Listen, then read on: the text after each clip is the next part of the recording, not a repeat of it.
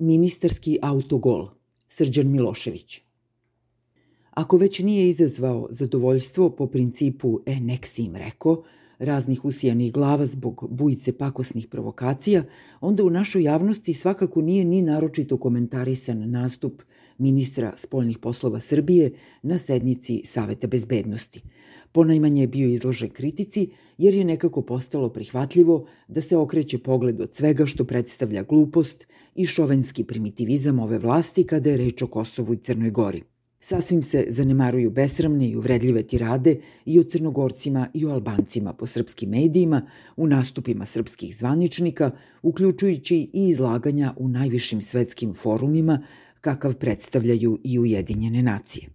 Takav je bio i nedavni Selakovićev nastup, školski primer diplomatije pokazivanja srednjeg prsta za domaću upotrebu.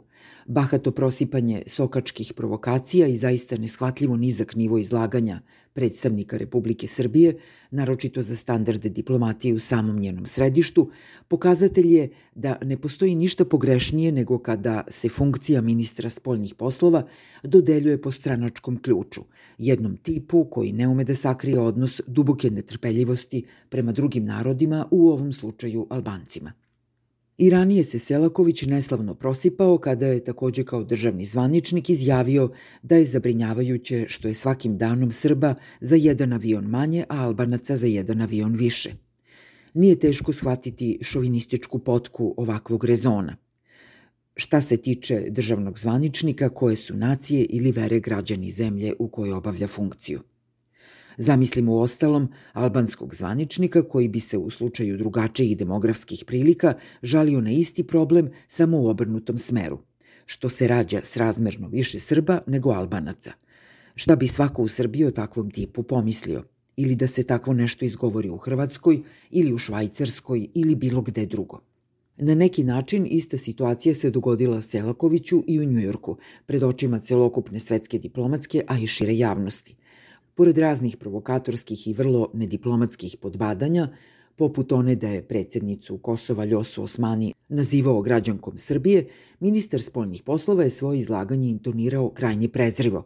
Makar kao pravnik, Selaković bi morao da zna da otrcana fraza lažna država u pravnom smislu ne znači ništa.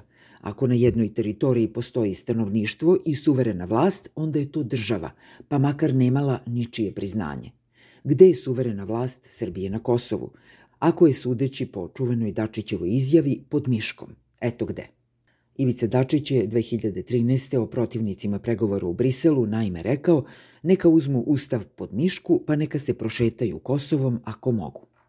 No jedna od najvećih bedastoća bile obraćanje Selakovića Vjosi Osmani rečima Osmani, morate da ustanete kada govorite o Aleksandru Vučiću, predsedniku Srbije, jer je i vaš predsednik. Ovo je bila toliko budalasta doskočica da je teško i pobrojati sve njene rđave implikacije. Ideja da građani jedne države treba da ustanu izgovarajući ime predsjednika je postiđujuća i uvredljiva čak i samo kao figurativno izražavanje u smislu da se ime predsjednika mora izgovarati sa nekakvim posebnim poštovanjem. Ona je zapravo pokazatelj da se od građana te države očekuje bezgranična rajetinska pokornost, mogo je reći i da padne na kolena, isto bi bilo. U konkretnom slučaju sam Selaković je međutim izgovarajući uzvišeno ime sedeo, pa tako proizlazi da valjda zapovest da se ustane pri pomenu autokratorovog imena važi samo za Albance.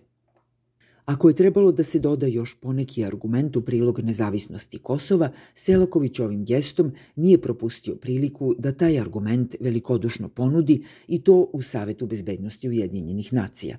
I to nije samo moj utisak. Jedan kolega iz Poljske koji prati političke prilike u regionu Kroz razgovor mi je nedavno napomenuo baš taj detalj, uz istovetan komentar o tome kakav efekat ima ministrov nastup. Teško da je to bilo od pomoći Srbiji u međunarodnoj javnosti, ali eto sitnog zadovoljstva frustriranom šovinizmu. Neka joj je rekao. Odvratno.